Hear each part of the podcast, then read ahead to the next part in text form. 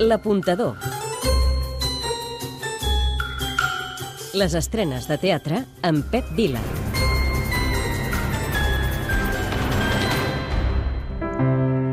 We started quiet and slow, with no surprise.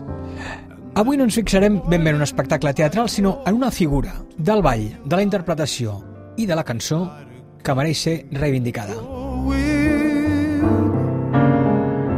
Joan Vázquez pren el paral·lel durant els quatre dilluns d'aquest mes de novembre perquè 20 anys no són anar. Course. L'aposta de l'apuntador. Tres motius per veure-la. El primer, Perquè és una estrena, perquè és una commemoració especial de la seva carrera i també un ajustament de comptes, en tot humor, aprofitant la perspectiva, el temps i l'experiència de tots aquests anys viscuts. el segon, Perquè, acompanyat de l'actriu Laura Vallvé en el paper d'alumne, Vázquez presenta tastets dels seus personatges en musicals com Hair, Mamma Mia, My Fair Lady, Ren, Coples però canya, Ciutat de Gespa i també algunes peces icòniques del seu admirat Stephen Sondheim, així com cançons crooner del seu proper disc Feeling Good. el tercer, Perquè si no el coneixeu, a Vázquez val la pena acostar-se a la figura d'un crac que lluita per destacar en el seu país perquè a fora ja és reconegut. Aquest home ha estat ovacionat a Broadway i a Londres. Per tant, aprofiteu tots els dilluns de cada mes a la Sala Bars de Barcelona perquè 20 anys no són anar. Hola, sóc l'Anna Moliner i és l'apuntador qui us ho recomana. Doncs aquesta és l'aposta setmanal teatral de l'Apuntador, però també hi ha altres estrenes.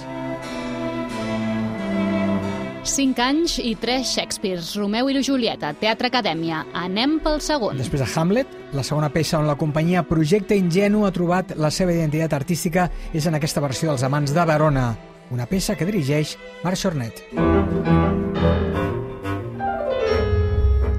Els desgraciats, la Gleba Teatre. Com aconsegueixes que no t'abandonin? En una nit, sota una carpa de circ ruïnosa, viuen dos pallassos empolsinats pel seu passat. El públic els ha abandonat. Només es tenen l'un a l'altre. Un dia un d'ells vol marxar i l'altre, davant la por a quedar-se sol, farà el possible perquè no marxi. Escrita per Ivan Morales, Martí Gallent, l'interpreten Pol Fernández i Pau Escobar. Una habitació buida amb el de teatre, una perla a descobrir. Imagina una habitació buida, imagina que allà pots trobar o retrobar qui vulguis, imagina que no hi ha límits. Tres històries interrelacionades, un espectacle musical escrit per Marc Artigau, música de Clara Peia i protagonitzada per Carla Puello. El Roger, que viu a Stuttgart, la Raquel, que també té tres nens, Ramon, Sala Atrium, reflexió sobre la por del compromís. El protagonista, el Francesc Ferrer, s'acaba de separar i torna a l'habitació d'adolescents dels seus pares.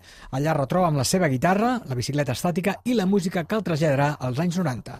Words and Music, Sala Beckett, homenatge a l'autor. Samuel Beckett va escriure per la BBC l'obra radiofònica Words and Music amb dos personatges. Són dues veus de la consciència representants de la creació poètica. El primer la paraula, el segon la música. Dialoguen entre si per inspirar Korak, el seu amo, que existeix entre el so i el sentit. I aquest mediatitza l'acció. És un espectacle amb el nou Albet que dirigeix musicalment el David Albet. In Wonderland, Teatre Lliure, Alicia Gorina, On Fire. La directora proposa un joc de teatre document. És un espectacle de creació que psicoanalitza el seu propi univers artístic des del rigor i amb molt sentit de l'humor envers un mateix. les recomanacions.